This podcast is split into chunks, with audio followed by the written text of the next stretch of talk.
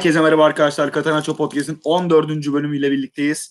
Geride bıraktığımız haftada Fenerbahçe'nin ezici üstünlüğüyle aldığı bir galibiyet var Gençler Birliği karşısında. Sonrasında Galatasaray'ın evinde sürüne sürüne Muslera'ya duacı olarak aldığı bir Alanya Spor galibiyeti zirvede tuttu onları aslına bakarsanız. Ve bugün Beşiktaş'ın son saniyede Kasımpaşa deplasmanında aldığı bir 3 puan. Umut Nayır'ın oyuna girdikten sonra attığı 2 golle Trabzonspor'un Beşiktaş maçı öncesinde Antalya deplasmanında rahat kazandığını da bir kez daha söyleyelim. Şu an yanında Can var ve Can'la beraber geride bıraktığımız bu haftayı değerlendireceğiz. Abi hoş geldin. hoş bulduk. Hoş geldin de oraya hiç olmaz. Zaten hep seninle beraberiz. Sanki misafir çağrı gibi hissettim kendimi. Evet, olsun boş ver. Alıştık artık ya. Ya her program girişi böyle yapıyoruz. abi futbolu falan bir kenara bırakıp kendi hayatımızı mı konuşsak? Çok sıkıcı abilik ya. Yeni, Bu, inanılmaz yeni kötü format. gidiyoruz yani. Lig, Yeni yani format. Kendi hayatımız. Beş kişi falan belki dinler. Hayat fena halde futbola benzer. E, tabii. Bizim voleybol mu konuşsak?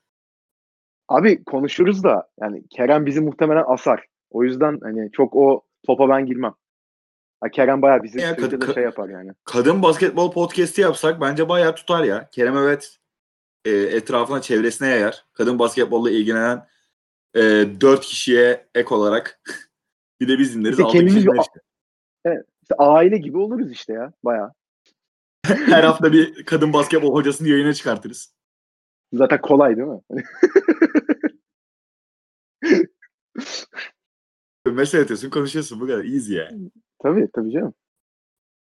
İşte söz meclisten dışarı diyelim de. Tabii tabii canım şaka yapıyoruz yani. Linç yemeyelim durduk yere şimdi. Tabii. Şakası bir yana her spora saygımız var ama sevgimiz olduğundan şüpheliyiz.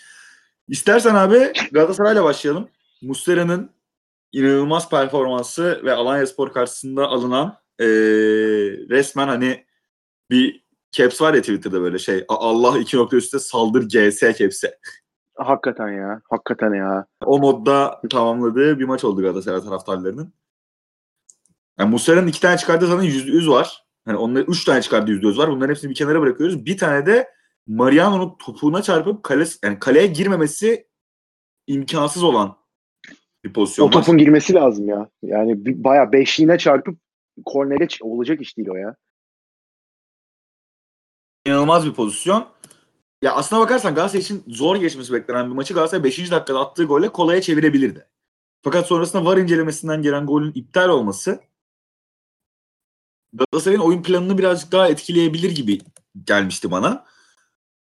Yani ilk 20 dakikasında baskılı oyunu oynadı Galatasaray. Şimdi ben bunu burada söyleyince böyle şey oluyor. Fatih Terim'e hak veriyormuşum gibi oluyor ama ilk 20 dakika yani 30 bin kişi vardı tribünde. O tribünün de baskısıyla beraber Galatasaray klasik ev sahibi oyununu göstermeyi başardı.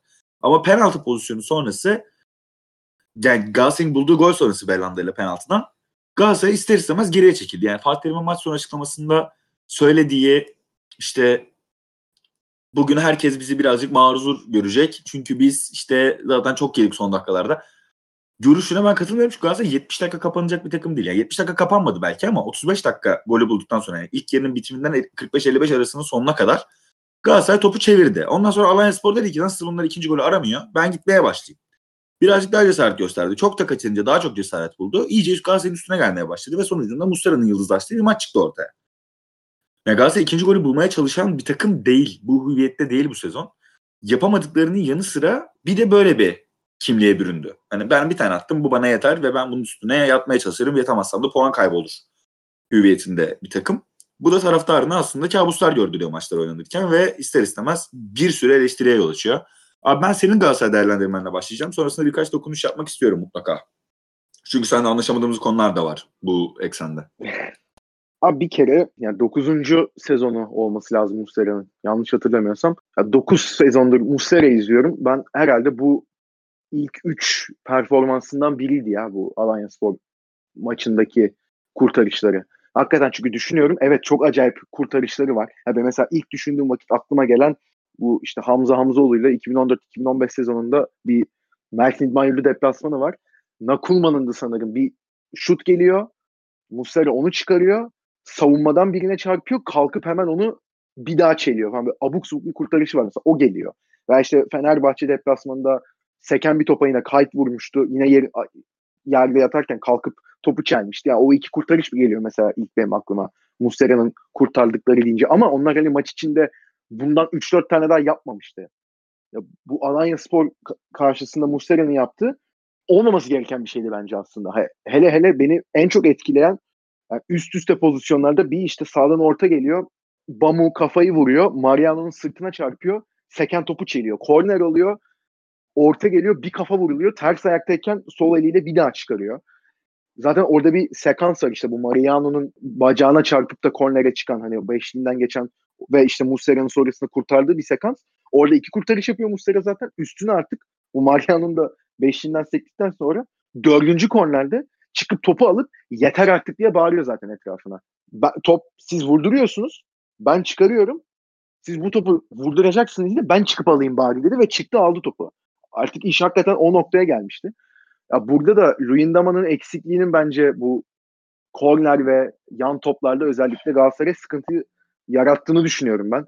Marka çünkü kafa yani hava toplarında çok etkili bir oyuncu değil gibi gözüküyor şu an en azından. Geçen sene iyiydi. Zamanlama hataları yapıyor. Fizik olarak da ilginç bir çöküntünün eşiğinde aslında Galatasaray. Ben böyle bir değerlendirme de yapmak istiyorum. Çünkü o kafa toplarına vurdurmak belki ilkine vurdurdun savunma yerleşimi hatasına. Evet. Lafını kestim özür dilerim bu arada. Yok yok yok. Ama ikinci, üçüncü ya biz bu golü yiyeceğiz. Evet. Ee, evet. Ve biz bundan çok korkuyoruz ve bu yüzden ciddi anlamda sağ içi yerleşimde de problem yaşıyoruz evet. noktasında. Yani iletişimsizlikten yani. de öte o tamamen artık korkularla hareket eden bir durum haline almış. Evet. Ve bu arada hani bu bahsettiğim sekanstan 5 dakika sonra benim gol diye bıraktığım bir başka pozisyon daha var Bamu'nun. Yine orada altı pasta kale evet. çizgisini çok hızlı şekilde daraltıp terk edip alanı daraltıp golü kurtarıyor yine. Ki savunma da orada gol evet, diye bıraktı benim gibi yani izlerken. Tabii canım orada da ya Markao ya Enzonzi'nin kafasından sekiyor. Baya arka direkte Donk var. Donk yere düşüyor. Ya kayıp yere düşüp topu izliyor sadece. Hani golü en yakından izleyeyim gibi bakıyor topa. Onu da çıkardı Muslera. O da çok ya, o, o da çok acayip abi. Hangisi en iyi kurtarışı ben hakikaten demin dedim de yani 4-5 tane çok acayip var. Çok acayipti gerçekten Muslera'nın performansı ve bu kornerlerdeki durum da gerçekten senin dediğin gibi o çöküşe gidiyor gibi. Yani mesela bir takım alan savunması yapar. Rakip buna bir önlem olarak bir organizasyon yapar. Çıkar atar başka. Adam adama yapar. Bir tane rakip takımın işte forveti iyi kafa vuruyordur. Koşturur sürekli ceza sahası içinde. Bir anda başka yere bir şey yapar. Kendini boşta bırakır. Kafayı vurur gol olur. Bunu da anlarım ama Galatasaray savunması herhangi bir defans şekli yapmıyor. Yani ne alan savunması yapıyor ne adam savunması yapıyor. Bu gördüğüm en azından 4 kornerlik sekansta. Ki geçen haftaki Trabzon'dan yenen Filkik'ten Sörlot'un kafayla vurduğu golde de aynısı vardı. Ya Galatasaray'ın bu yan toplarda çok büyük sıkıntısı var. Luyendama seneye döndüğünde veya bu devre arasında bir stoper takviyesi yapılırsa bu düzelir mi? Bunu hep beraber göreceğiz. Maç özeline gelecek olursak da yani ilk aslında ilk yarıda Galatasaray o kadar da kötü değil. Ya o kadar da kötü değil dediğim oyunu biraz olsun tutmaya başardı. Tabii bu 20. dakikada işte penaltıdan gol geldi. 20. dakikaya kadar da en azından biraz daha istekli gözüken bir Galatasaray vardı bence sahada. Penaltıda da penaltı pozisyonunda da serinin çok iyi bir pası var. Mariano da çok iyi koştu araya. Yayından önce seninle konuştuk bunu. Galatasaray bunu bu sezon kaçıncı kez yaptı diye sordum sana. Sen de abi yaptıysa bir veya iki defa yapmıştır en fazla dedin. Ben mesela hatırlamıyorum böyle bir organizasyon olduğunu Galatasaray'ın. Bunu yapınca sonucunu aldığını görebilmiş oldu en azından Galatasaray. Yani seri o pası atabiliyor. Ama tabii serinin o pası atması için Mariano'nun da veya tam tersi bir durumda Nagatomo'nun da işte sol bekte sağ bekte kim oynuyorsa onların içeri koşu atmasının ne kadar önemli olduğunu gördük sonuçta. Bir hücum opsiyonudur çünkü. E ondan sonra da 40. 43. dakikada bir tane güzel pozisyonu vardı Galatasaray'ın. İyi paslarla geldiler. Ömer soldan çevirdi. Orada işte Lemina ile Adem bayağı üst üste geldiler. Lemina vuruşu yaptı. Kaleci iyi bir kurtarış yaptı orada. Ama ya onun haricinde bunda nasıl kaçırdı ya Galatasaray diyebileceğimiz yine bir pozisyon yok. Veya pozisyona giremese bile karşı tarafı çok boğdu, hiç çıkarmadı. En azından sahaya işte isteğini yansıttı. Oyun üstünlüğü tamamen eline aldı ve Alanya'yı hapsetti gibi bir durumda yok. Aslında Alanya'nın da 2-3 tane pozisyonu var ilk yarıda. Ortada diyebileceğimiz bir ilk yarıydı. İkinci yarı tam tersine döndü. Yani ikinci yarı hele hele bu senin dediğin 55-60'tan sonraki kısım bir felaket Galatasaray için. Şimdi geçen hafta Trabzon deplasmanında 1-0 gerideyken bir iki değişiklikle Galatasaray'ın nasıl bir reaksiyon verdiğini gördük ve bunu hatta övdük. İlk defa geçen hafta 13. programdı. 13 programda ilk defa biz Galatasaray'ı övebileceğimiz bir şey sunduk ortaya. Yani daha doğrusu Galatasaray sundu ve bu, bunun sonucunda biz onları övdük.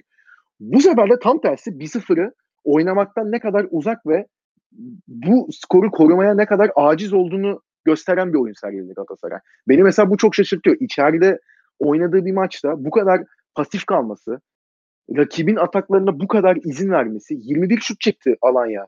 Yanlış hatırlamıyorsam. Kaç tanesi tuttu kaleyi? 16 tanesi mi ne tuttu kaleyi? Şimdi bu kabul edilebilecek bir şey değil. Galatasaray 7 şut çekiyorken rakibinin 3 katı sayıda şut çekmesi Galatasaray stadında bence kabul edilebilecek bir şey değil. Benim burada senden ayrıştığım noktada hani 1-0'da Galatasaray'da son dakikalarda gol yiyor. Geri çekiliyor. Bu da hani belli bir psikolojiye sevk ediyor oyuncuları. Ve oyuncular da kendilerini rahat hissetmediği için işte geri çekiliyor. E, rakip atak üstüne atak yapıyor. Bir şekilde ya girecek biz puan kaybedeceğiz ya da tutacağız şeklinde. Şimdi böyle geçmez. Fatih Terim'in bence devre arasında oyuncu transferinden çok bu tarz şeylerin üstüne gitmesi. Ya, taktiksel açıdan belli iyileştirmeler yapması lazım. Oyuncu grubu çünkü Galatasaray'ın en azından ilk 11 bazında kaliteli. Yedeklerin ne kadar kötü olduğunu geçen hafta Tuzla maçında herhalde anlamış olduk yani. Biz ikimiz sene kaç kere ne kadar Galatasaray'ın geniş bir kadrosu oldu bu sene işte bedavaya alınan oyuncular kiralananlarla. Bundan bahsediyorduk. Geçen hafta tu, oynanan Tuzla maçı herhalde bunu tamamen yıktı artık. Yani Jimmy Durmaz'dır, Emre Mor'dur. Selçuk İnan'a zaten girmiyorum bile. Selçuk İnan futbol bırakalı 3 sene, 4 sene oluyor. Ama ilk 11 özelinde hani Galatasaray'ın bu psikolojiye bürünmemesi gerektiğini düşünüyorum ben. Yani çünkü şimdi sana pas atmadan önce son şunu demek istiyorum. 14 maç oynanmış ligde Galatasaray 15 gol atmış. Hadi hücum konusunda çok büyük sıkıntısı var Galatasaray'ın. Bunu zaten herkes biliyor. Savunma açısından ama mesela bakıyoruz 11 gol yemiş. Ligin en az gol yiyen takımı. Çok güzel buraya kadar. Ama şimdi Galatasaray çok iyi bir savunma takımı olduğu için gol yemiyor diye bir şey yok. Galatasaray her maç en azından 3 tane pozisyon veriyor rakibine. Alda at diyebileceği. Geçen hafta Trabzon maçında da böyle oldu. Sörlot iki tane yüzde yüz kaçırdı. E, bu hafta zaten Muslera'nın yaptıkları belli. Geçen hafta da Muslera kurtarışlar yapmıştı. Her maç Muslera. Nereye gireyim? Aklıma bir şey geldi. Tabii. Bir asist yapmak istiyorum sana. Hı. Galatasaray'ın bu sezon iki farklı kazandığı bir maç var mı? 14 haftada. Bir tane var işte Gaziantep deplasmanı. Onun dışında yok değil mi?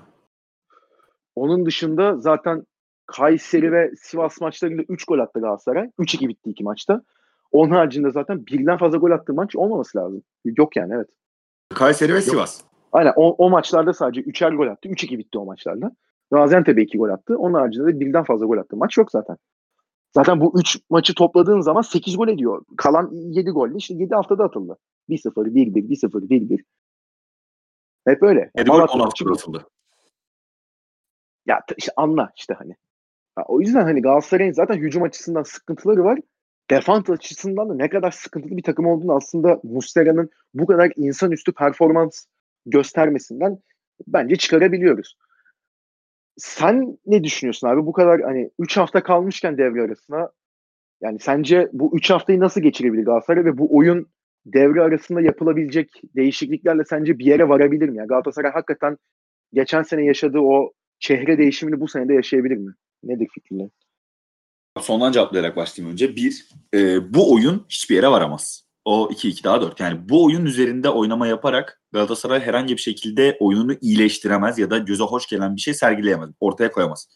Buna ben de hemfikirim. Böyle düşündüğünü de biliyorum kayıt dışında da. Fakat birincisi Galatasaray'ın geçen sezonki çehre değişimiyle bu sezonki çehre değişimi arasında isim farkı olmaması gerekiyor. Yani demek istediğim şu. Geçen sene Galatasaray Ozan Kabak Serdar Aziz stoper tandemiyle sezona başlayıp ligin 17 haftasında 29 puan toplayıp sezonu 5. sırada kapatmıştı. Şu an baktığın zaman Galatasaray'ın 23 puanı ve 2 tane içeride maçı bir tane dışarıda maçı var. Yani en iyi ihtimalle Galatasaray'ın deplasmanda maç kaybettiğini ve iç saha maçlarını kazandığını hesaba katarsak geçen sezonla aynı puanda kapatacak devreyi ve yaklaşık olarak da aynı sırada kapatacak gözüküyor. Olur da Galatasaray bir sürpriz yapar. 3 maçta 3, 3 maçta 9 puan alıp 32 puanla kapatırsa devreyi bu sezon bu, bu sefer kendini ilk iki sıra atma arasına ilk iki sıra arasına atma şansını yakalar. Bununla ilgili şunu söyleyebilirim. 3 hafta boyunca Galatasaray'ın oyununda ben artık herhangi bir değişim beklemiyorum. Burada konuştuğumuz yayınlarda ben hep sana şunu söylüyordum. Sen hatta bir yerden sonra dalgasını geçmeye başladın benimle. Abi bu hafta işte gelecek, işte 3 hafta sonra gelecek. İşte bence şu maçı hedefliyoruz. İşte şöyle bir patlama yapacak falan filan. o beklenen patlamayı bir türlü yapamadı. Yani ne performans yükselişi olarak gerçekten hani bireysel bazda da bu, bunun yapılabildiğini düşünmüyorum ben. Galatasaray'da dikkat çeken dikkat çeken sezon başında çok kötü olup şu günlerde, şu maçlarda iyi performans sergileyen iki isim var. Biri Mario Lemina ki zaten sezon başı idman yapmadığını biliyorduk. İkinci isim de bana kalırsa Marka. Luyendama'nın yavaş yavaş formuna evet. geldiğini konuşuyorduk sakatlanmadan önce ama Luyendama'nın da baktığın zaman işte sezonu kapattığı neredeyse belli oldu. E, Şimdi e, Ömer Bayram'ı şeyden olan... saymıyorsun değil mi? Ömer, Ömer Bayram hani baştan itibaren zaten belli bir standartta oynuyor. O yüzden herhalde hani daha yavaş başlayıp açılan olarak dedin değil mi? Evet evet yok aynen. Ömer ha, zaten Kayseri tamam, maçıyla itibaren tamam. hani çok sürpriz yumurtaydı Ömer Galatasaray için. Ozan Kabak gibi bir oyuncu oldu yani bu sezon. Satılabilitesi elbette yok ama kendine performans açısından ciddi bir katkı yaratıyor Galatasaray takımına. Ee, burada şunu söyleyebiliriz. Luyendama'nın sakatlığı sonrası Galatasaray'ın devre arası transfer döneminde 3 hafta kaldı. Yavaştan bunları da konuşmaya başlayalım bence. Galatasaray'ın devre arası transfer döneminde net bir stoper transferine ihtiyacı var. Yani Luyendama varken bile böyle bir transfere ihtiyacı vardı Galatasaray'ın. Orayı Donk'la sezonu idare edemezdi yedekte. Ki Donk bana kalırsa iyi performans sergiliyor. Genel olarak kendisinden beklenenin üstünde performans sergiliyor yine. E, fakat sadece Donk'la orası gitmezdi. Baştan belliydi. Fatih Hoca'nın da bunu transfer döneminde Falcao, Andone transferleri sonrası son gün ben stoper de istemiştim dediği demeçten hatırlıyoruz. Şimdi oraya %100 bir stoper transferi gerçekleştirilecek. Andone'nin sakatlığı sonrası işte Babel'i forvette değerlendirir mi? Ligin ikinci yarısında hani tek forvet oynayacaksa eğer Falcao'yu yedekler mi? Babel'le. Yani Babel hem ilk 11 oyuncusu hem de Falcao'nun yedeği olur mu gibi bir düşünceye kapılıyorum. Çünkü ciddi anlamda Galatasaray'ın finansal fair play'den dolayı da e, harcama kısıtı olacak devre transfer döneminde. Şimdi burada tercihlerden bir tanesi Belhanda ya da Fegüli'den birinin satılması olacaktır. E, ben Galatasaray'ın ligin ikinci yarısında iki ismi de yani iki isimden birini sadece satarak o bölgeyi kapatabileceğini düşünüyorum. Belhanda'yı satarak Feguli ile, Feguli'yi satarak Belhanda ile orayı, orayı kapatabilir. Üstüne İki ismi ben, satacağını hani, düşünmüyor musun? Kaynak ben yaratma açısından. Geçen sene çünkü Ozan ikisini ve Geri Rodriguez satılmıştı mesela. Ben ikisini de satılacağını düşünmüyorum ama ikisi de satılırsa ben ikisine de boşluğunu doldurulabileceğine inanıyorum. Hani bu bir risk tabii ki. Hani Taylan Antalyalı'yı ne kadar izledik hemen hiç izlemedik. Ve sakatlıktan dönen ve neredeyse bir buçuk senedir futbol oynamamış olan Emre Akbaba Belhanda yerine değerlendirilebilir mi? Değerlendirilebilir. Ama bu yani Emre'nin sakatlığını riske atmak anlamında söylemiyorum bunu. Sadece performansından çok şüpheli olduğumuz bir oyuncuyu oraya transfer etmek gibi gözüküyor ligin ikinci yarısında. Katılıyorum. Bu çehre değişimine geri dönmek gerekirse ben takım performansından e, oyuncu transferinden öte takım performansının devre arası kamp dönemiyle yükselebileceğine ve Galatasaray'ın en azından bir oyun planına sahip olabileceğine inanıyorum. Şimdi Galatasaray'ın oynadığı oyunu gerek Gomis'i şampiyon olduğu sezonda gerek geçen sezon Cagney'le şampiyonluğa yürüdüğü yolda beğenmediğimizi, güçsüz bir deplasman oyunu olduğumuzu, olduğunu, sürekli puan kaybettiğini ve iç saha maçlarında taraftarının da desteğiyle koparamadığı maçlar olmakla beraber bazı maçları da koparabildiğini söylüyorduk. Ya bu zaten içeride hani 40 maçlı yenilmezlik serisi iki sezon Galatasaray'ın şampiyon olmasındaki en büyük etmen. Bu göz ardı edilemez bir gerçek. Hele ki bu kadar düşük bir deplasman performansı. Şimdi bir, değişmesi gerekenlerin en başında gelen şey Galatasaray'ın gerçekten stabil, sabit bir oyun planının olması. Geçen sezon Erzurum deplasmanında alınan bir puan. Akisar deplasmanında Kostas Mitroğlu'nun son dakika golü. Hani bunlar tamamen e, biraz şansının yardımı, birazcık da hırs ve kondisyonu sayesinde gelen işler. Ama hiçbiri oyun planını sadık olmakla ve göze hoş gelen futbol oynamakla ortaya çıkan şeyler değil ben devre arası transfer dönemiyle beraber ve devre arası kamp dönemiyle beraber Galatasaray'ın ligin ikinci yarısında en azından ligi kaçıncı tamamlarsa tamamlasın yani ligin ikinci yarısında bu sezon en azından bir şeyleri gösterebileceğine ve gösterme potansiyeli olan bir kadrosu olduğuna inanıyorum. Şimdi bu yatsınamaz bir gerçek zaten. Bunu konuşuyoruz. 100 milyon euroya yakın orta saha değeri olan bir takımda sen oyun planını bu oyunculara diretemezsin. Sen bu oyunculara uygun oyun planı yaratmak zorundasın. Ama burada hak verdiğim bir şeydi Galatasaray teknik kadrosuna şu. Yani Galatasaray teknik kadrosu dediğim zaman anlıyorsunuz zaten. Sadece Fatih Terim'i kastediyorum. Başka teknik ability'si olan bir insan olduğunu düşünmüyorum. Ee, buradaki konuda şu. Bu oyuncuları bir arada tuttuğun çok kısa bir dönem oldu. Yani hoca aslında şeyde haklı. Milli takım arası insanlara yarıyor bize yaramıyor. Çünkü biz takımın hepsini neredeyse milli takıma gönderiyoruz. Türkler hariç. Ve bundan dolayı da takım bir arada antrenman yapma fırsatı çok çok net bulamadı. Yani hep bir maç hazırlığı, hep bir maç idmanı vardı ama hiç sezon idmanı bir arada gerçekleştiremedi. Hatta ve hatta Luyendama ve Seri ilk transfer edilen isimlerden biri. Bu arkadaşlar da Galatasaray'ın devre arası yurt, e, sezon başı yurt dışı kampında yer almadı. E şimdi ilk kez elinde böyle bir fırsat var. Bahanelere sığınmadan bu oyuncuları maç performansına da getirmiş olduğunu varsayarsak Fatih Terim'in. Çünkü bu oyuncuları maç oynamadığını söylüyordu. Hep sıfır aramaktan mütevellit böyle bir sıkıntıyla karşılaştığını söylüyordu Fatih Terim. Bu bahsi geçen kredi, iki sezon şampiyon olmanın kredisi yani gönüllerde belki hiç bitmez Galatasaray taraftarında ama izlemsel olarak şunu söyleyebiliriz. Denizli spor maçından Kayseri spor maçına kadar olan süreç Galatasaray Ligi'nin ikinci yarısında tabii ki yine bu son üç haftayı iyi kapatması koşuluyla bahsediyoruz bu durumda. Fatih Terim'in ve Galatasaray kadrosunun bu sezonki taraftar gözündeki kredisini netleştirecek. Yani Galatasaray eğer Denizli maçında içeride iyi bir futbol oynayıp kazanırsa dışarıda ikinci hafta kiminle oynuyor tam hatırlamıyorum. Konya. Konya deplasmanında Galatasaray yine iyi bir futbol oynar. Beraberlikle ayrılırsa ve içeride yine Kayseri Sporu iyi bir futbolla yenerse yani 3 hafta boyunca iyi futbol ama puan kaybına açık. Bunu yine söylüyorum. Bu şekilde kapatırsa Galatasaray ilk 3 haftayı Galatasaray taraftarı takımı yeniden onları e, hedefledikleri yola götürecek motivasyona ve inanca erişir. O yüzden hani şu şu önümüzdeki son 3 hafta ve ilk 3 hafta ikinci yarının çok kritik olacak Galatasaray için. Şimdi burada neler değişmesi gerekiyor? Aslında ufak ufak değindik ama Galatasaray pas oyunu oynamak istiyorsa eğer gerçekten Seri, Lemina ve Enzonzi'yi kullanmak istiyorsa üçünü bir arada bu üç oyuncuyu bir arada oturtup siz nasıl bir şey oynamak istiyorsunuz? Sizin oyun tarzınız ne? Bizim sizde gördüklerimiz bunlar ve bunları bunları geliştirmemiz gerekiyor şeklinde bir plan yapmalı. Bu planın içerisine ligin ilk yarısında iki buçuk ay boyunca forma giymeyen ve ligin ilk üç haftasında zaten yer almayan Radamel Falcao'yu bir şekilde dahil etmeli. Babel'in sakatlığı bana kalırsa Babel için çok hayırlı oldu. Çünkü Babel zaten bu şekilde oynayarak bir yere kadar gidemezdi. Yani sen bu yaştaki bir oyuncudan bu randımanda üst üste bu kadar maçta yararlanmaya çalışırsan bir yerde düşüş gösterir ve bu da taraftarın gözüne zaten kötü giden takımda günah keçisi ilan etmesi sebebiyet verir Babel'in ki iyi oynadığı maçlarda dahi Babel e, çok eleştirildiği dakikalar da geçirdi. Özetle ben Galatasaray'ın hala bir şansı olduğunu, zirveden kopmamasının onlar için büyük avantaj olduğunu düşünüyorum. Burada teşekkürü kime yapmak gerekirse gereksin. Yani Muslera'ya da elbette teşekkür etmek gerek. E, dün Fatih Terim'in söylediği başka bir şey de çok yanlış anlaşıldı bana kalırsa. Burada dedi hani hatta bunu sen de sanırım farklı eleştirdin. O da farkında bir şeylerin doğru olmadığının. Elbette farkında. Elbette Muslera'ya soyunma odası çok teşekkür etmiştir ve Muslera'ya Muslera'nın dünkü galibiyetin mimar olduğunun o da farkındadır. Ama Flash interview'da söylediği ilk şey şuydu.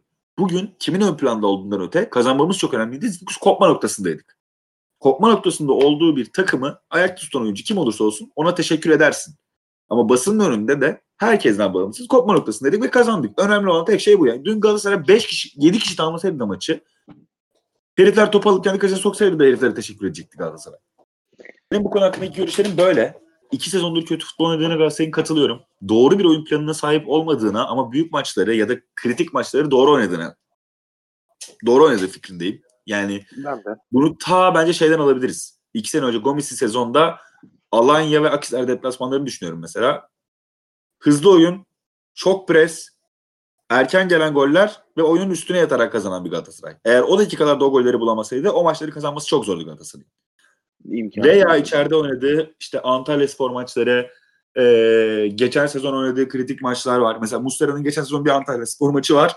E, tıpkı dünkü Alanya spor maçında olduğu gibi 2 dakikalık bir sekansta evet. iki tane %100 gol pozisyonu çıkartıyor ve sonrasında maç 5'e gidiyor. Orada Galatasaray golü yani. Şimdi bunların hepsi ciddi anlamda bir sıkıntı Galatasaray için.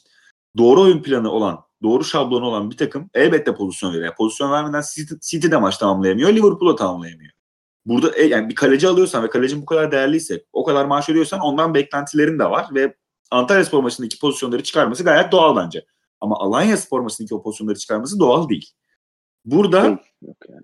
konu takımın yetersizliğine ve kalecinin yeterliğine geliyor. Diğer tarafta artık son noktada her şeyi yapıyorsun ama birkaç tane pozisyon elbette biliyorsun. Futbol hatalar oyunu bir hata yapıyorsun ve kalecin orada seni kurtarıyor.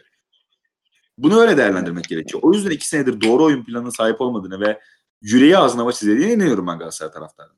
En son yüreğim ağzında izlemediği maç olarak neyi değerlendirebiliriz Galatasaray taraftarının onu düşünüyorum.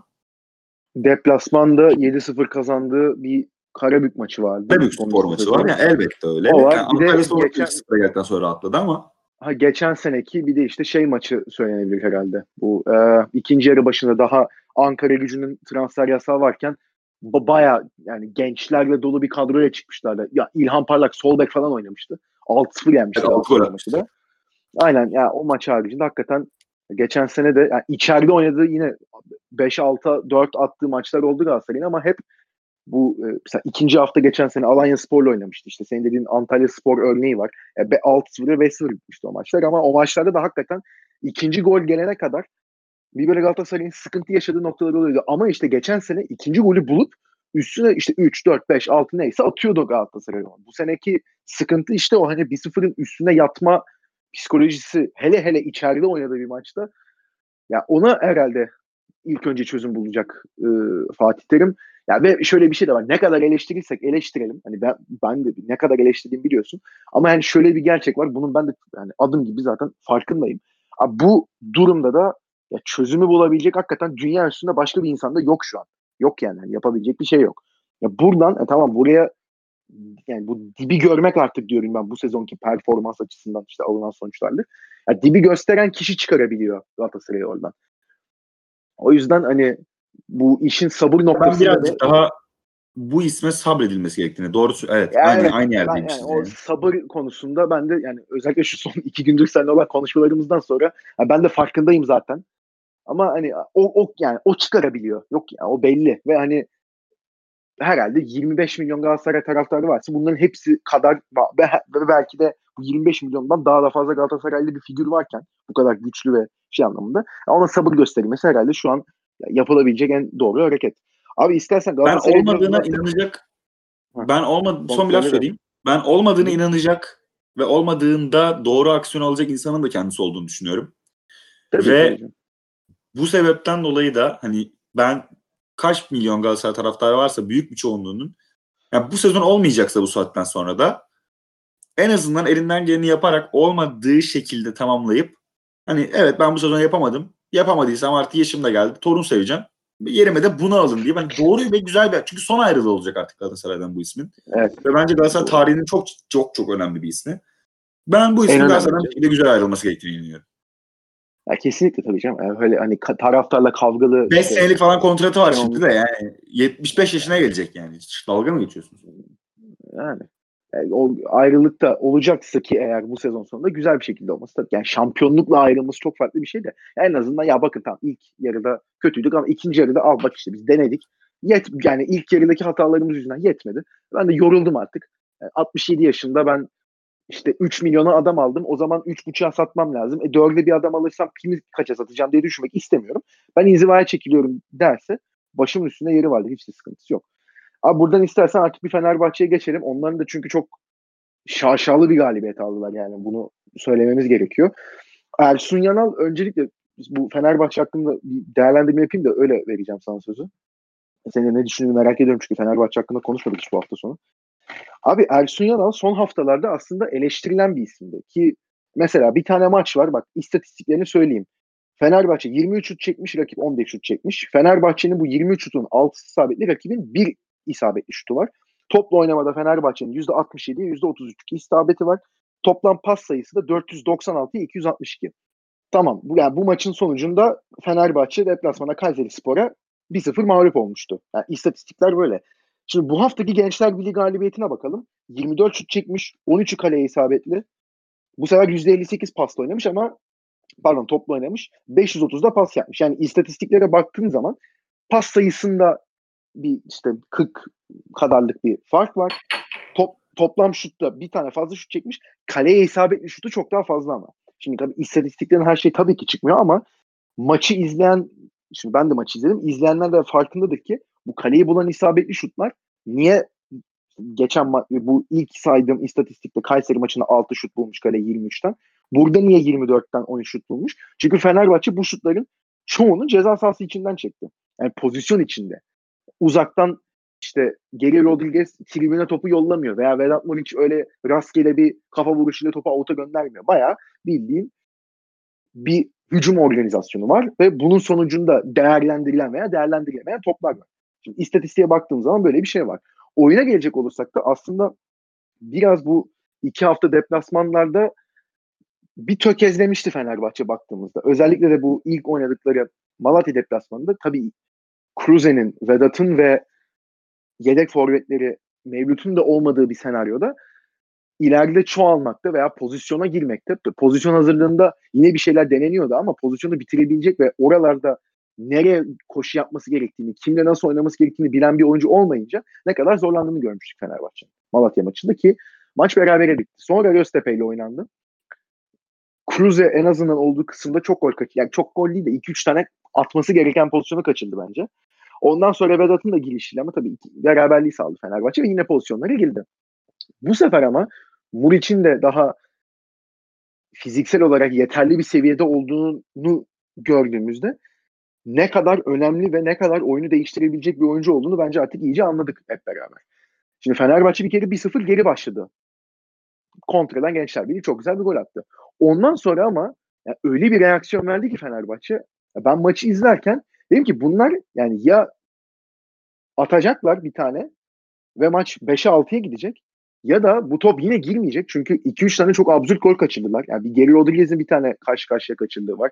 Bir tane Vedat'ın bomboş kaleye dokunamadığı üstüne yine Geri Rodriguez'in direğin dibinden dışarı vurduğu var. Vedat orada ayağını soksa gol olacak. O da olmuyor. Yani Fenerbahçe'nin gerçekten 2-3 tane bu da kaçmaz artık diyeceğimiz pozisyonu var. 1-0 iken daha maç. Ki yani 1-0 sadece işte 15 dakika kalmış maç. Ya bu 15 dakika içinde 3 tane %100'ü kaçırdı zaten Fenerbahçe. Ben orada izlerken dediğim tamam yani ya atamamaya devam edecekler ve hakikaten puan kaybedecekler yine ya da 5'e 6'ya gidecek. Ki nitekim Muri çok güzel bir kafa golüyle öne geçirdi. Sonra Gustavo'nun uzaktan çok iyi bir şutu var. Yani ilk defa herhalde Gustavo da ben orada hiç beklemiyordum şut çekmesini. Hani nereye pas verecek diye beklerken bir anda dan diye vurdu. Çok da güzel bir gol attı. Muriç'in attığı ikinci gol yani Fenerbahçe'nin üçüncü golü bence çok konuşulması gereken bir gol. 1.94 boyunda 92 kilo ve 49 e, numara ayakları olan bir oyuncu Muriç. Ve yani öyle bir hücum pres yapıp üstüne topa kayıp sağ ayağıyla topu alıp sol ayağıyla bugün e, bir arkadaşla izledik aynı pozisyonu tekrar. Adam sağıyla yerle kayıp topu alırken sol diziyle topu düzeltiyor. Bu çok acayip bir şey. Ha, saniyesinde kalkıp sol ayağıyla sol ayağının dışıyla topu içeri yuvarlaması. Ben hakikaten böyle bir forvet golü bu kadar Yalçın Çetin de anlatırken kendisi hazırladı, kendisi attı golü dedi. Hakikaten böyle bir acayip bir gol ben görmemiştim. Yani Muriç gerçekten çok çok özel bir oyuncu. Hani sezon başı Galatasaray ve Fenerbahçe'nin neden onun için transfer kavgasına girdiğini hakikaten daha da iyi anlıyorum ben açıkçası günden güne. Ve karlı çıkan yani Ağustos 31 itibariyle Galatasaray gibi gözüküyordu Falcao'nun gelişiyle ama esas karlı çıkanı Fenerbahçe olduğunu artık herhalde ligi takip eden herkes de anlamıştır. Ya. Ben açıkçası en azından bu durumdayım şu an. İleride satma potansiyeli açısından da. Ve Muriç hakikaten Fenerbahçe'yi hücum anlamında da, defans anlamında da yani maç 4-1 iken geriye koşup pres yapıp top kapan bir hüviyette. Şu an çok acayip bir şey. Yani ben bu tarz bir forvet gerçekten izledim desem yani izlemedim yani gol atıyor, kendine gol hazırlıyor. O arkadaşlarına çok yardıma koşuyor. Yani çok rahatlatıyor ileride. Ha bunların hepsini yapıyor yapmıyormuş gibi bir de gidiyor defanstan top çıkarıp top kapıp ileriye top çıkarıyor. Çok ayrı bir seviyeye ulaşmış durumda şu an. Bu işi izlemesi hakikaten zevk. E, Fenerbahçe ilk kere 3-1 bitirdikten sonra zaten artık işte Ferdi'nin falan da girmesiyle iyice hani hücumcu oyuncuları sahaya alarak artık biraz daha hani ben farka gideyim hazır bulmuşken dedi. Rahatla bir galibiyet aldı. Burada mesela Ersun Yanal'ın da eleştiriler geliyordu. Ferdi niye oynamıyor? İşte Fenerbahçe niye bu kadar tek forvetle oynuyor? Sen bizi işte 4 forvetli oyuna ve işte 2-0 iken maç 3-4'ü atmak isteyen bir takıma alıştırmıştın. Ne oldu buna? şeklinde eleştiriler vardı. Ersun Yanal'da ilk yarı bu kadar baskılı bir ve yani çok dominant bir oyun vardı. Bunun üstüne mesela Serdar ikinci yarının başında sakatlandığında hop tak diye oraya Ferdi'yi soktu Serdar yerine.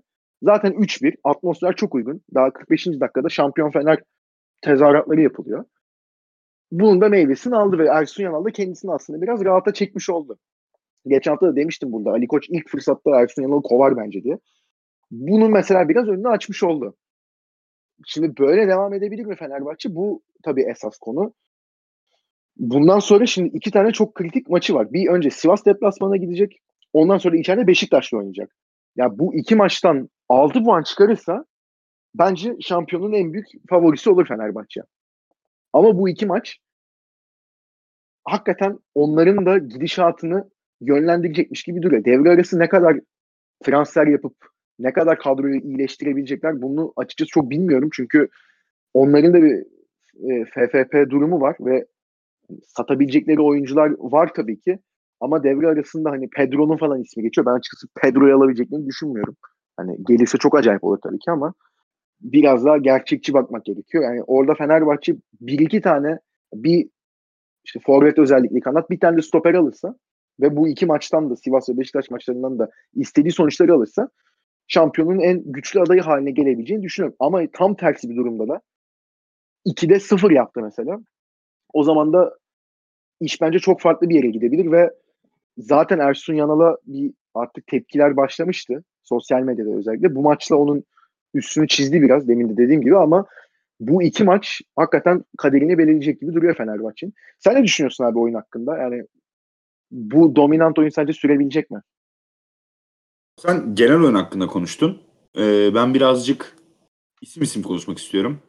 Tabii. Ve diğer takımlardan ayrıştığı noktaları konuşmak istiyorum. Ve yine başlayacağım nokta artık hepinizin çok sıkıldığı, ben dahil artık söylemekten e, mutsuz olmaya başladığım bir isim üzerine olacak.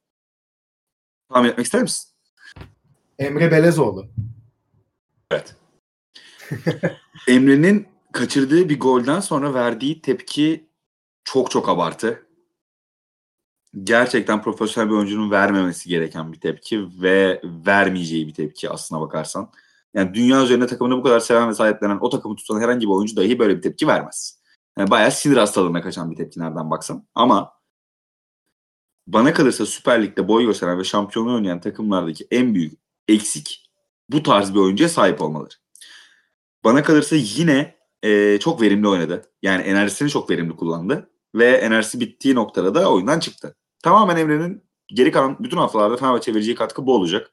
Fenerbahçe'nin oyunun şekillenmesini sağlamaya devam edecek. Daha da fazla bir şey söylemeye gerek yok. Yani herkesin malum zaten Emre Belezoğlu performansı.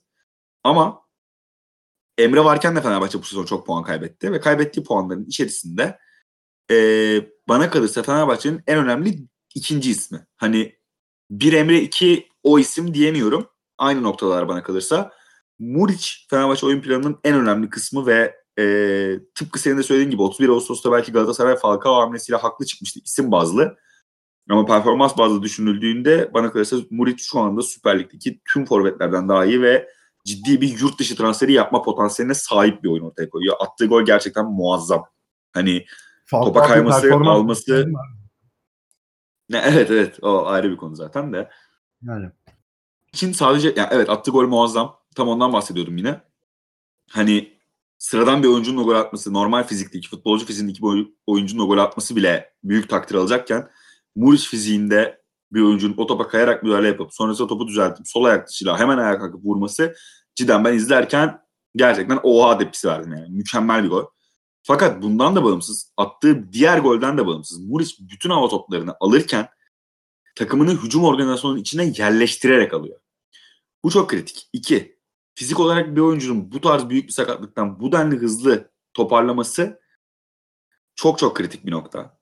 Bütün enerjisini sahada veriyor olması yine sakatlanma pahasına çok çok kritik bir nokta ve takımı sahiplenen bir takıma sahip yani takımını sahiplenen, kulübünü sahiplenen bir takıma sahip Fenerbahçe. Ki bana kalırsa bunun içinde evet kendisi Galatasaray'a gelmek istedi sezon başında. Galatasaray'da şampiyonluk yaşadı. Fatih Terim'le arası çok iyiydi, çok seviyordu. Bunların hepsi bir kenara. Ben Geri Rodriguez'in de %100 Fenerbahçe için savaştığına inanıyorum. Yani Kesinlikle. o da tekrar kariyerinde bir şampiyonluk yaşamak istiyor ve o da oynadığı kulübü sahiplenecek tarzda bir oyuncu ve sahiplenmiş durumda. Ben de katılıyorum. Yani ben Dirar'ı da beğeniyorum. Yani bir İsla'dan Fenerbahçe'nin yeterli katkı alamadığını düşünüyorum genel anlamda.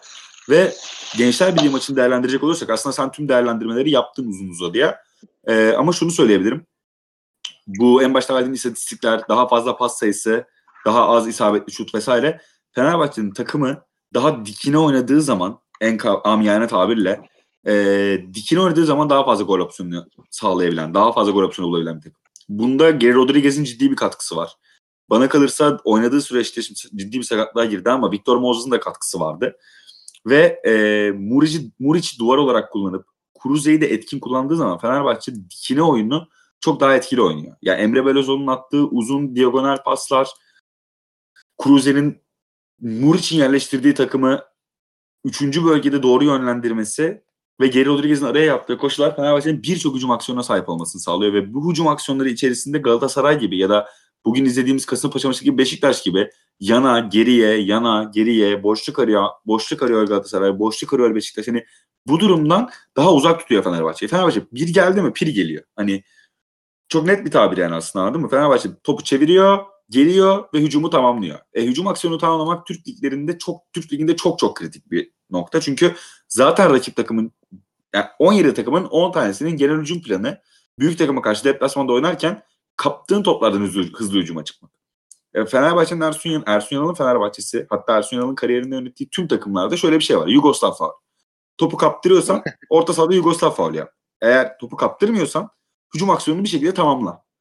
E, Fenerbahçe'nin çok fazla Yugoslav faul yapmasına gerek kalmıyor bu sezon. Özellikle iç sahada oynadığı maçlarda böyle bu. Çünkü doğrudan doğruya hücumu sonlandırma şansı yakalıyor Fenerbahçe iç saha maçlarında. Gel ki aynı şey deplasmanlarda geçerli değil çünkü Anadolu kulüpleri deplasmanda topu kaptığın anda hızlı hücum açık taktiğini uygulamıyor. Onlar da artık iç saha maçlarında gösterdikleri performansın katkısını, gösterdikleri performansın rakibini yenebilecek güçte olduğunun farkında ve bir şekilde kendi oyununu kendi evinde rakibini kabul ettirmeyi başarabiliyor. Bu yüzden bana kalırsa gerek Galatasaray'ın geçen sezonki gerek Fenerbahçe'nin bu sezonki deplasman oyununda bu denli puan kaybetmesinin sebebi bu. Bunu nasıl aşabilir Fenerbahçe?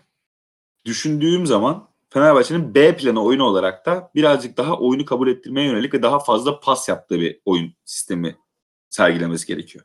Yani o saydığın 24 şut çekip işte altısının isabetli olduğu Kayseri deplasmanı maçı kaybetmiş Fenerbahçe. Çok pozisyon kaçırdı hatırlıyorum. Ama orada şunu da söyleyebiliriz. Fenerbahçe daha sabırlı oynamayı da öğrenmeli bir şekilde. Eğer zaten deplasman evet, performansını geliştirirse Aynen. Katılıyorum. O panik unsuru devreye giriyor çünkü hakikaten. Bazen hakikaten Fenerbahçe'nin sağ içinde şeyini görüyorsun. Eli ayağına dolaşıyor oyuncuların. Ve Emre orada bir bağırışıyor işte hakemle kavga ediyor, tribünle kavga ediyor, rakip takımla kavga ediyor. O bir böyle takımı hadi beyler falan diye ayağa kaldırmaya çalışıyor. Ama bu sırada mesela Geri Rodriguez bence karakter olarak çok güçlü bir karakter değil. Yani oyundan çabuk düşebilen bir isim. Mesela bir tane gol kaçırıyor. Oyundan düştüğünü fark edebiliyorsun. Mesela Murik çok güçlü bir karakter. Ama mesela Ozan da hata yaptığı zaman özellikle geçmişte çok tepki çektiği için mesela o da düşebiliyor. Yani o, hakikaten Emre ve Muriç hariç öyle o tarz durumlarda karakter gösterecek bir oyuncusu yok bence Fenerbahçe'nin şu an saha içinde. Katılıyorum sana. Fenerbahçe konusunda son bir değerlendirme istersen e, yani devre transfer döneminde ben Fenerbahçe ile ilgili hiçbir dedikodu okumadım. Ve e, onların da baktığın zaman Galatasaray kadar en az konuşulması gereken noktaları var. Sonuçta 25 puanları var 14. hafta 13. hafta sonunda. 14. 14 hafta sonunda 14. ve Galatasaray'ın da işte 23 puanı var. Yani biz Galatasaray'ı ne kadar eleştiriyorsak Fenerbahçe'nin de mutlak ve mutlak eleştirilmesi gereken noktaları var. Çünkü istikrarsız bir sezon sürdürüyor onlardan. Yani içeride Antalya Spor'a kaybettiler. Deplasmanda üst üste puan kayıpları yaşadılar. Göztepe maçında kötü bir oyun sergileyen Göztepe'ye karşı 2-2 berabere bitirdiler ki kaybedebilirlerdi. Hani mutlak suretle onların da devre arasında düzeltmeleri gereken şeyler olacaktır. Ve önlerindeki Sivas ve Beşiktaş maçları onlar adına da çok kritik. Tıpkı Galatasaray'ın son 3 maçının çok kritik olduğu gibi. Ben Başakşehir'in maçını bugün işte 40 dakika falan seyrettim. Çok açısına bakarsan konuşulmaya değer bir şey olduğunu düşünmüyorum. Beşiktaş'ın oynadığı oyunu değerlendirebiliriz istersen. Ama onun da çok değerlendirilebilir bir oyun olduğunu düşünmüyorum. Çünkü 5. dakikadan itibaren 10 kişi oynayan bir Kasımpaşa'ya karşı oynadılar ve e, galibiyet golünü 3-2 biten bir maçta 0-0 iken 10 kişi kalan rakibi karşısında 3-2'lik bir galibiyet aldılar ve 3 3'ü maçı 3-2'ye getiren golü e, 90 artı 5. dakikada buldular. Mutlaka onların da konuşulması gereken noktaları vardır. E, Caner'in çok yükselen bir performansı var. Burak'ın verimsiz bir oyunu vardı bugün bana kalırsa. E, ilk gözüme evet. çarpan değerler bunlar. Onun dışında ben Beşiktaş'ın çok konuşulabilir bir noktası olduğunu inanmıyorum. Ee, abi dilersen kapatalım, dilersen Beşiktaş hakkında konuşalım birazcık. abi Beşiktaş hakkında da bence iki kelime etmek lazım ya. Şimdi sonuçta 6 maç üst üste kazanmış bir takım var ve hani bu 6 maç sonucunda 18 puan alıp kendilerini bir anda ikinci sıraya attılar. Yani 27 puana ulaştılar. Yani 9 puandalardı 8. hafta sonunda. Şu an 27 puanla ikinci sıraya çıkmış durumdalar.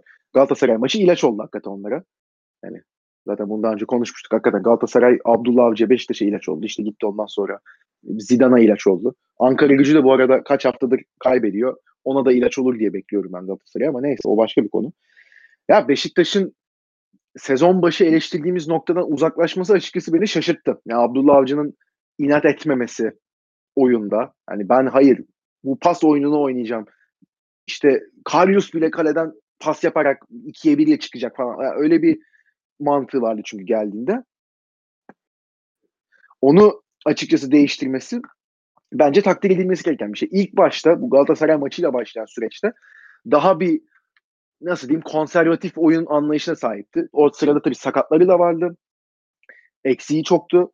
Ve o sırada hani hakikaten işte bir tek Laiç var. İleride bir şey kurabilecekse o kurar. Biz bekleyelim. Topu kaptığımız zaman zaten kanatta işte Diaby'sidir. Enkudu da sakattı gerçi ama işte Diaby, Caner, Laiç neyse onlarla biz ileriye hızlı bir şekilde çıkmaya çalışalım. Orta sahada Atiba ve Elneni zaten rakibi karşılama noktasında çok iyi ikili. Onların da uyumuyla ki ayağına da hakim oyuncular. Atiba biraz daha düşük seviyede ama Elneni ayağına çok hakim bir oyuncu. Onların kaptığı toplarla biz ileriye hızlı bir şekilde çıkabiliriz. En azından gol yemeyelim durumundalardı. Ki bu gol yememeyi de başardılar açıkçası. Hani maçlara baktığımız zaman yani Alanya Spor'dan gol yemediler. Ankara gücünden yemediler. Galatasaray'dan yemediler.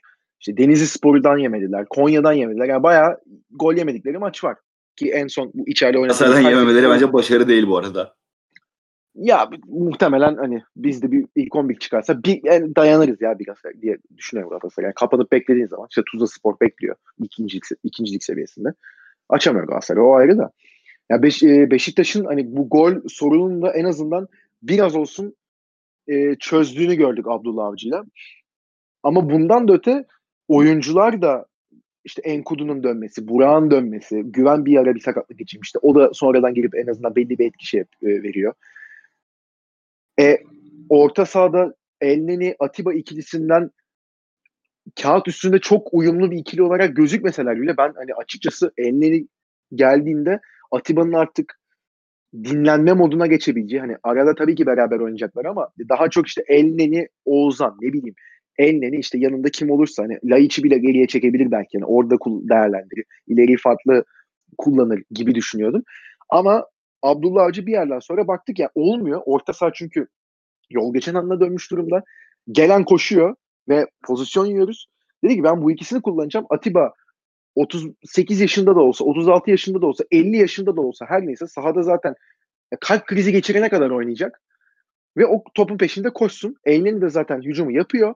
E pardon rakibi karşılama yapıyor. Hücuma çıkma noktasında da Elneni ile ben geriden başlatırım oyunu mantığına döndü. Ve bu da başarılı oldu.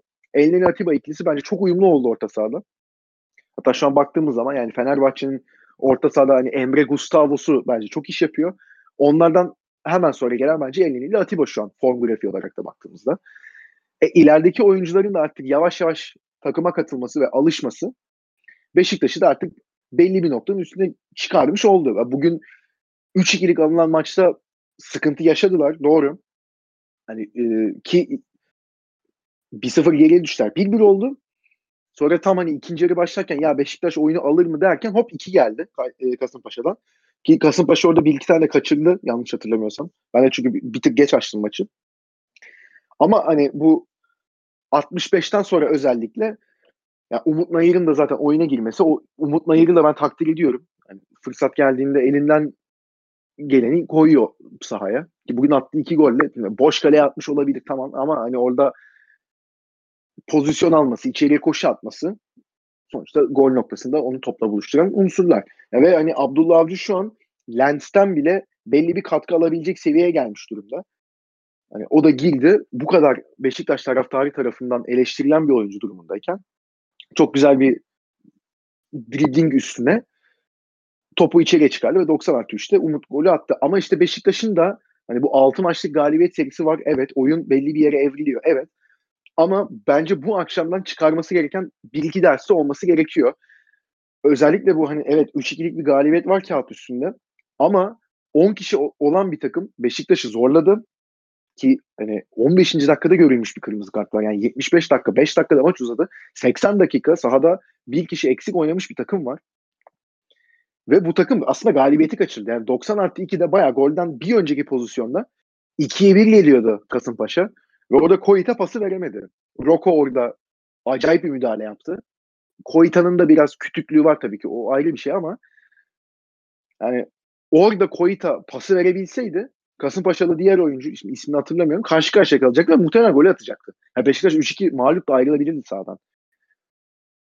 O yüzden Abdullah Avcı da bence açıkçası benim gözümde bu tarz durumlardan ders çıkarabilen ve kendini bir sonraki maça adapte edip oyundaki o eksiği kapatacak aksiyonu alabilecek bir teknik direktör. Yani Beşiktaş şu an dediğim gibi ikinci olarak yani beklemediğim bir yerde benim.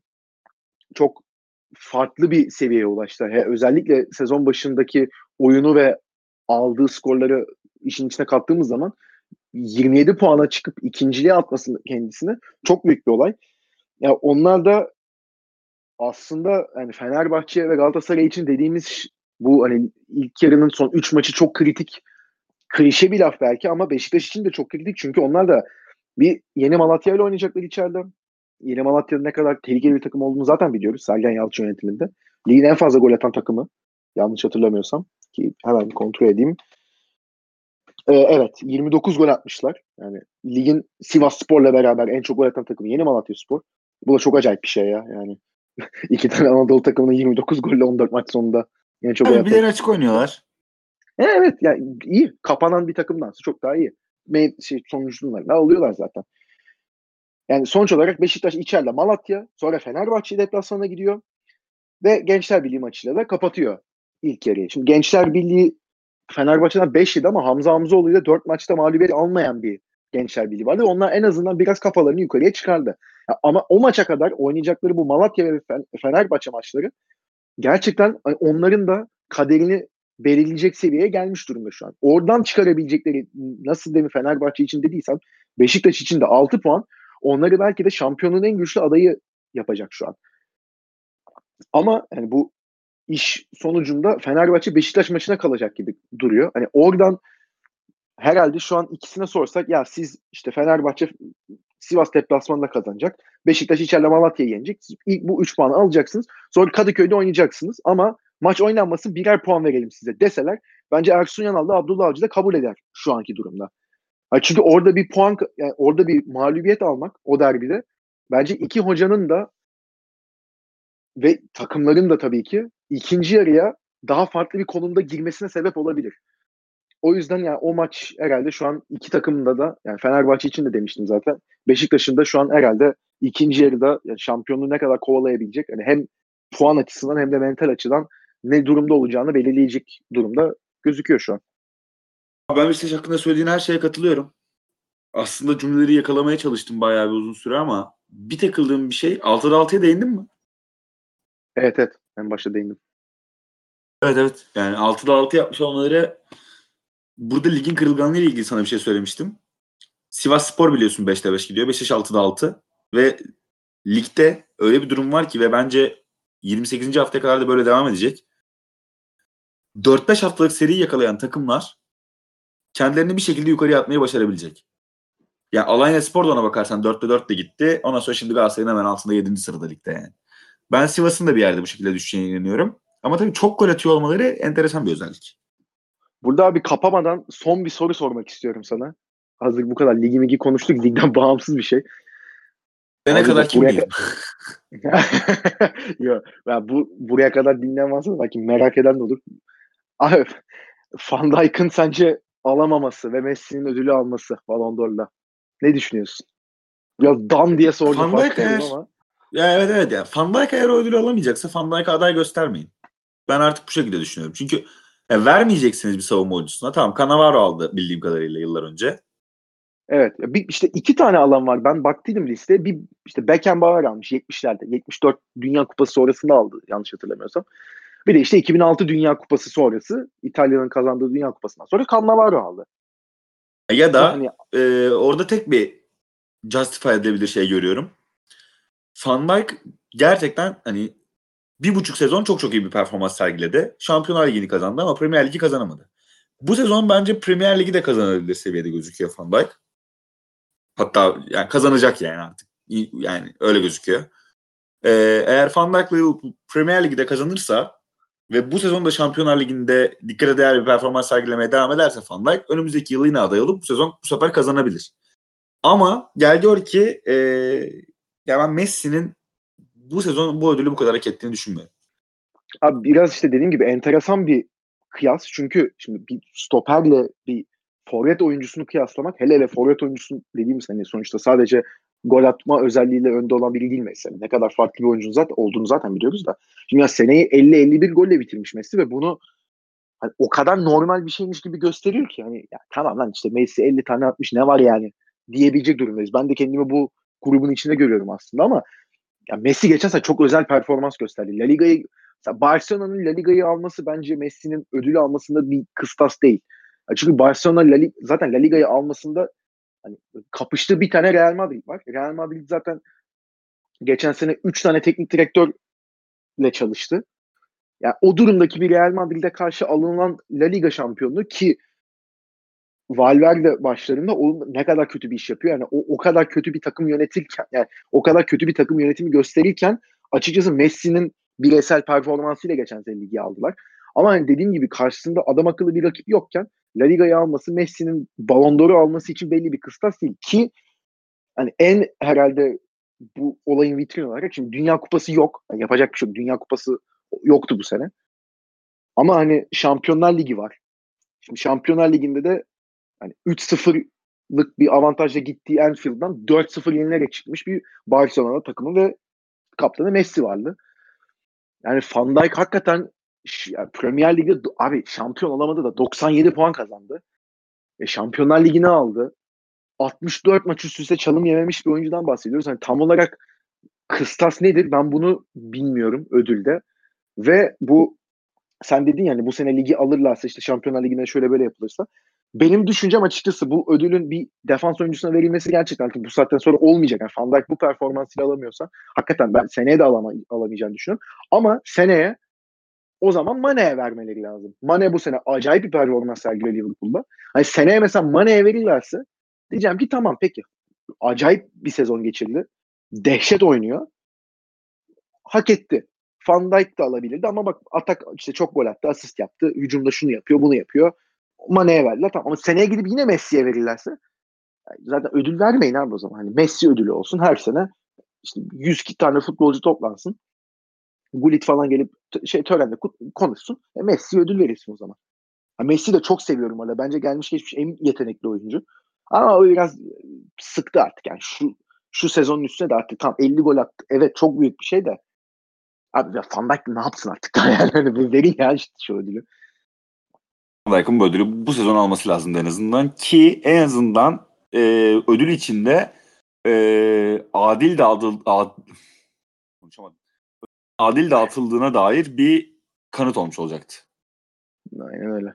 Orada da bu arada ödül sistemi de garipmiş ha. Son kapamadan önce onu da şey yapayım. Orada baya kıta kıta şeyler seçiyormuş. Ya atıyorum mesela Avrupa kıtası daki ülkeler ha işte her ülkeden işte üç bir kişi çıkıyor. Şimdi milli takım teknik direktörleri veriyordu galiba. Tam hatırlamıyorum da. İşte üç kişiye işte birinci bu, ikinci bu, üçüncü bu diye listeyi veriyor ve Avrupa'dan sonuçta belli bir şey çıkıyor. Oy toplamış. İşte Güney Amerika, Kuzey Amerika, işte Asya şudur budur. Ya Van Dijk'ın aslında kaybetme sebebi ben de baktım 8 puanla mı ne kaybetmiş? Abi Afrika kıtasında millet Mane'ye oy vermiş. Mane dördüncü bitirdi zaten. Yani Van Dijk'a vermemişler orada oyu. Normal olarak Mane Afrikalı. Yani muhtemelen yani orada üç tane ülke birinciye Mane'ye değil Van Dijk'ı yazsaydı ya o zaman Van Dijk alacak. Yani aslında Van Dijk yani tırnak içinde kazandı da işte Afrika'da oylar bölünmüş. Değişik bir şey olmuş. Abi bu şeye benziyor ya. Mane'nin ödülü ver yani Mane'ye ödül vermek demek de biraz şeye benziyor. Yani halk oylamasında Mane'nin bu kadar oy alması Zaza Pachulia'nın yıllarca NBA Star'ı için. Hakikaten ya. Biraz komik yani. Yani, hakikaten öyle ya. Ben açtım sen kapa. Ey hadi öyle yapalım. Böyle değişmeli yapıyoruz artık değil mi? Yaptı bence. O zaman Katenaca Podcast'ın ikinci sezon 14. bölümünü burada noktalayalım. Süper Lig'in 14. hafta değerlendirmesini yaptık. Zaten önümüzde 3 hafta var. Artık takımların zaten son durumlarını konuşmaya devam edeceğiz maçlar ilerledikçe. Maçlar bittikçe de artık transfer dedikoduları da çıkmaya başladıkça ben de zaten İstanbul'da olacağım. Dünyayla artık bir iki bölüm böyle transfer dedikodusu falan daha işin makarasını yapabileceğimiz bölümlerle çekeriz diye düşünüyorum. Çekeriz değil mi? Ya Bence çekeriz ya. Yani biz açıldığımızdan beri hiç yan yana yayın yapamadık. Sen burada Evet, oldun bu arada. Biz çok buluştuk ama hiç yan yana yayın yapamadık. Bir yan yana yayın yapmamızın da zamanı geldi bana kalırsa. Bence de artık işte 10 güne döndükten sonra onu da yaparız. O zaman bizi dinlediğiniz için çok teşekkür ederiz. Ben Can. Ben Dünya. Hoşçakalın.